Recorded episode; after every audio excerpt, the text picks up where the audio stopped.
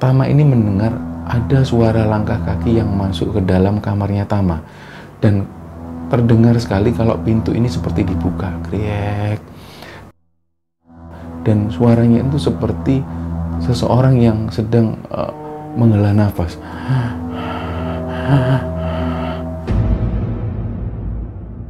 Bismillahirrahmanirrahim Assalamualaikum warahmatullahi wabarakatuh Sobat Kembara Sunyi di mana pun teman-teman berada Pada kesempatan kali ini Saya akan bercerita tentang cerita yang dikirimkan oleh Sobat Kembara bernama Tama Tama bercerita tentang cerita yang dialami oleh Tama dan keluarga di sekitaran tahun 1994 Sebelum kita masuk ke ceritanya, untuk teman-teman yang baru saja nonton tayangan ini dan baru tahu tentang channel Kembara Sunyi, jangan lupa untuk subscribe, like, dan komen.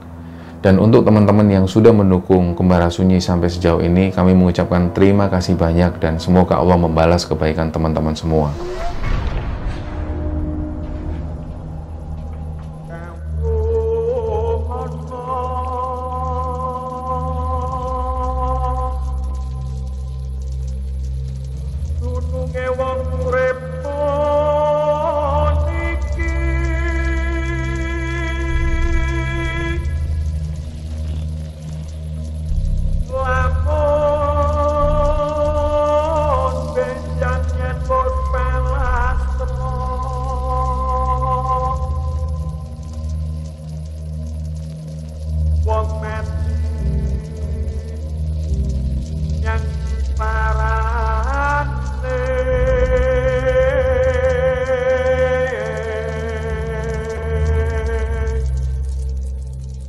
Kisah ini dikirim oleh sobat kembara yang bernama Tama. Jadi kisah ini terjadi di sekitaran tahun 1994 di mana pada waktu itu Tama masih duduk di kelas 4 SD. Pada waktu itu Tama dan keluarga ini disuruh untuk menempati satu rumah.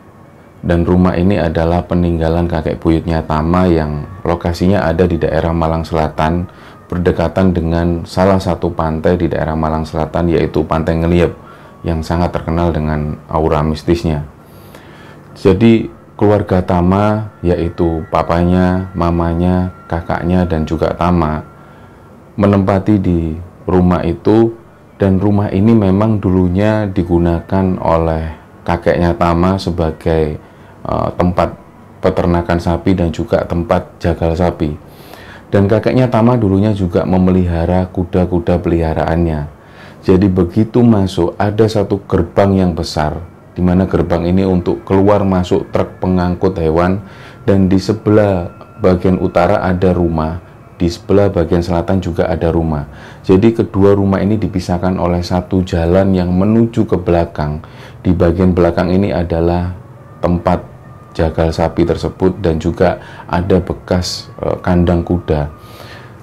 Tama cerita kalau dulunya Ketika kuda-kuda kakeknya Tama ini sakit dan meninggal, lalu dimakamkan di bagian belakang. Di bagian belakang ini memang dibatasi satu tembok yang berbatasan langsung dengan pemakaman penduduk yang ada di sana. Jadi ketika pertama kali menempati rumah itu, keluarga Tama ini menempati rumah di bagian utara. Pada malam pertama itu memang Tama mengalami satu kejadian yang eh, menurut Tama itu sangat aneh. Jadi Pama dan kakaknya ini menempati kamarnya masing-masing di mana pada waktu itu sekitar jam 9 malam. Tama ini masuk kamar dan begitu masuk kamar tidur dia itu melihat ada topeng yang dijajar rapi di atas lemari. Dan topeng-topeng ini dengan uh, penampakan yang sangat menyeramkan semua. Ada sekitar enam topeng yang dipajang di sana. Awalnya Tama ini takut tapi kemudian Tama berpikir, oh mungkin ini papa yang naruh di sini untuk pajangan. Akhirnya Tama tetap melanjutkan tidur dan di pagi harinya ketika Tama bangun, topeng ini sudah nggak ada lagi di atas lemari. Dan waktu itu Tama tanya ke papanya, Pak, papa yang naruh topeng-topeng itu di atas lemari? Enggak. Jadi memang papanya tahu kalau kakek buyutnya dulu punya beberapa topeng yang semuanya disimpan rapi di dalam satu peti. Jadi papanya sekali lagi mengkonfirmasi bahwa papanya nggak pernah sama sekali mengeluarkan topeng-topeng itu dari peti dan apalagi sampai memajang di atas lemari. Waktu itu Tama coba mengabaikan dan beberapa hari kemudian pada waktu Tama ini akan masuk ke kamar, tiba-tiba Tama ini melihat topeng ini terpajang rapi di atas lemari dan jumlahnya ada enam buah. Waktu itu juga Tama ini takut, dia bilang ke mamanya, "Mah, malam ini mama temenin aku tidur di kamar." Karena kemarin itu tak lihat topeng-topeng ini sudah nggak ada, tapi kenapa ada lagi di atas lemari? Waktu itu juga mamanya Tama bilang, "Ya udah, Dek, uh, adik tidur dulu, masuk dulu, mama di dapur dulu beres-beres." nanti nggak lama mama masuk ya jadi waktu itu Tama masuk lebih dulu ke kamar dan posisi Tama ini sudah ada di atas tempat tidur tapi karena Tama takut menghadap ke arah lemari di mana ada topeng-topeng itu Tama menghadap ke arah jendela. Dan saat menghadap ke arah jendela itu Tama ini mendengar ada suara langkah kaki yang masuk ke dalam kamarnya Tama. Dan terdengar sekali kalau pintu ini seperti dibuka kriek. Dan ada seperti orang yang masuk dan duduk di tempat tidurnya Tama. Karena tempat tidur ini kerasa seperti ada yang duduk di sampingnya Tama waktu itu Tama sama sekali nggak berpikir kalau ini adalah mamanya. Karena kalau ini mamanya dia pasti ngomong sesuatu atau minimal menyapa Tama. Jadi pada waktu itu Tama ini mulai ketakutan apalagi uh, sosok ini seperti mengeluarkan suara. Dan suaranya itu seperti seseorang yang sedang uh, menghela nafas.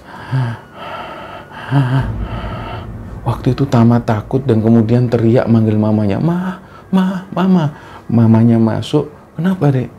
Ma, barusan ada yang masuk, Ma. Ada yang masuk dan duduk di tempat tidur ini. Nah, kemudian mamanya coba nenangin Tama, ya udah yuk tidur sekarang ya, ditemenin Mama. Pada waktu itu mamanya uh, menidurkan Tama dan pagi harinya ketika bangun lagi-lagi topeng ini nggak ada lagi padahal semalam topeng ini terpajang rapi di atas lemari nah karena kejadian itu terus berulang sampai tujuh hari berturut-turut. Akhirnya papanya Tama ini berinisiatif untuk manggil satu orang pinter yang memang sering kali dipanggil oleh warga untuk mengusir makhluk-makhluk jahat yang ada di rumahnya. Orang ini didatangkan namanya Pak Supri. Dia didatangkan di rumahnya Tama untuk oh, menetralisir segala sesuatu yang ada di situ. Jadi siang itu karena Tama posisinya ada di sekolah, jadi Tama nggak bisa ngelihat langsung bagaimana Pak Supri melakukan ritual. Tapi ketika sore hari Tama pulang, papanya mulai cerita bahwa siang tadi itu Pak Supri sudah keliling rumah seperti menebarkan sesuatu dan topeng-topeng itu akhirnya diambil jadi topeng-topeng itu ada di dalam peti dan diambil. Jadi memang uh, di Malang itu juga terkenal ada topeng Malangan namanya. Ini adalah topeng Malangan koleksi dari kakek buyutnya Tama. Enam topeng itu diambil oleh Pak Supri kemudian dibawa pulang dan malam selanjutnya memang Tama belum mengalami hal-hal yang aneh. Tapi ternyata papanya Tama yang mengalami hal aneh tersebut. Jadi ketika itu malam setelah papanya Tama ini nongkrong dengan teman-temannya, papanya masuk di rumah, jadi melewati gerbang dan langsung memarkirkan motornya di bagian belakang. Di mana bagian belakang ini uh, dekat sekali dengan tempat pemotongan sapi itu, jadi terlihat banyak sekali besi-besi besar yang bergantungan untuk uh, meletakkan sapi-sapi di situ. Jadi pada waktu itu papanya Tama langsung masuk ke toilet untuk buang air kecil di situ. Dan pada saat buang air kecil, papanya ini mendengar seperti ada orang yang menyembelih sapi pada waktu itu. Jadi sampai-sampai suara darah sapi yang keluar dari kerongkongan itu terdengar. Karena memang lokasinya dekat sekali. Awalnya papanya Tama ini kaget karena loh kok ada orang motong sapi jam segini. Dan segera papanya ini keluar dari toilet melihat ke arah tempat pemotongan sapi itu ternyata nggak ada aktivitas apa pun. Waktu itu papanya langsung membangunkan Lady. Lady ini adalah salah satu penjaga yang ada di belakang. Dibangunkannya Lady. Lady, kok tadi aku dengar ada suara orang motong sapi ya? Nggak ada pak. Bapak mungkin dengar-dengar mungkin. Karena saya dari sore itu di sini kok nggak ada yang motong sapi. Benar ya Lady nggak ada yang motong sapi? Nggak ada pak lusa baru ada jadwal potongan sapi.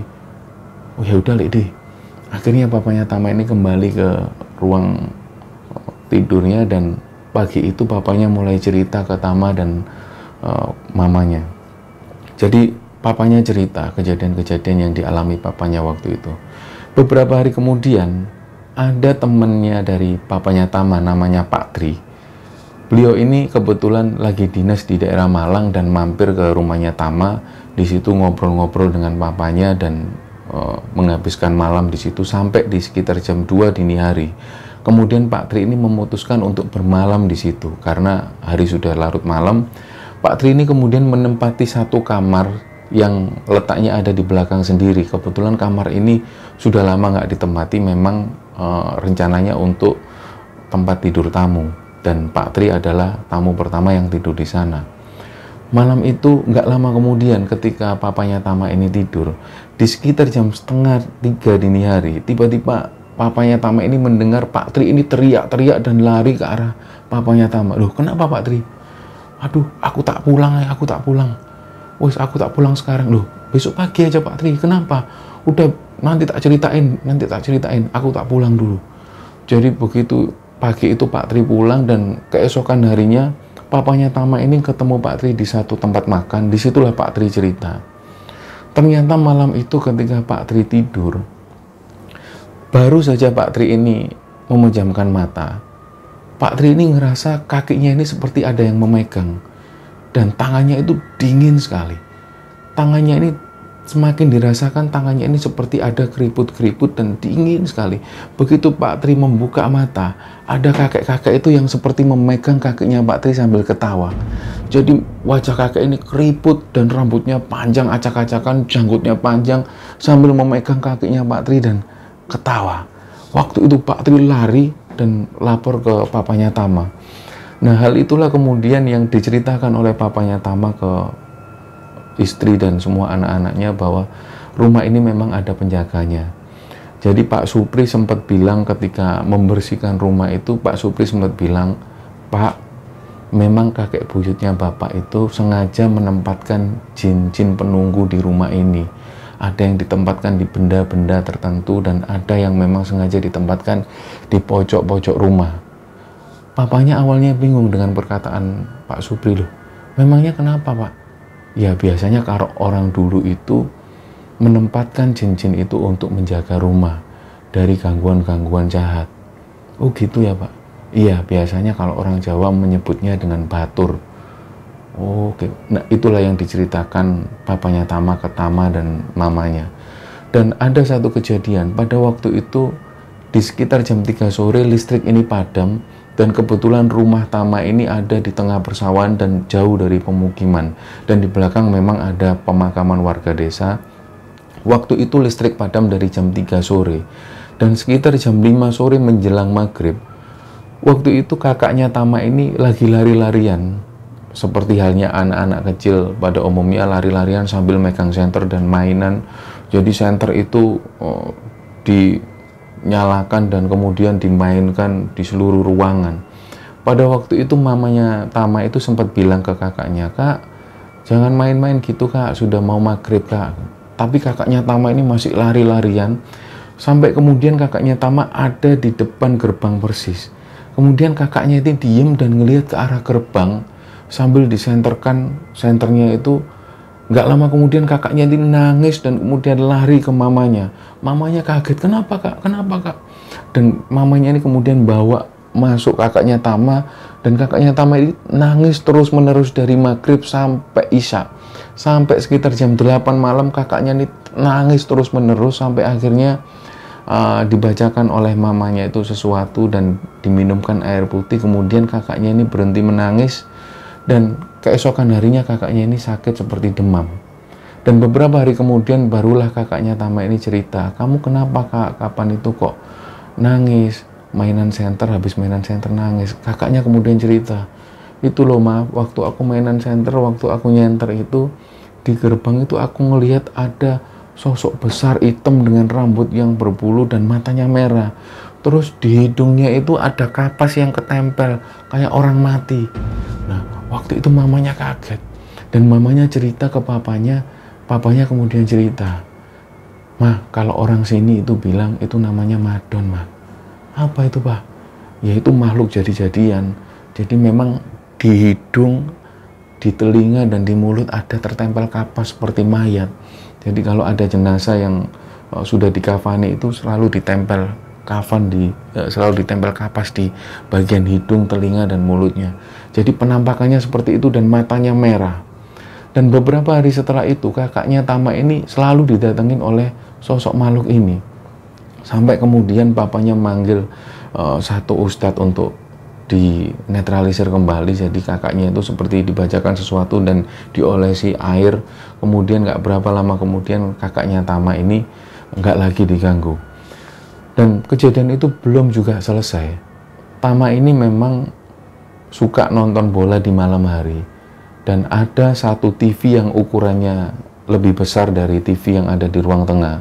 Letaknya ada di bagian belakang dan di ruang inilah di situ Tama bisa melihat di bagian peternakan sapi di situ Tama bisa melihat ada besi-besi yang besar.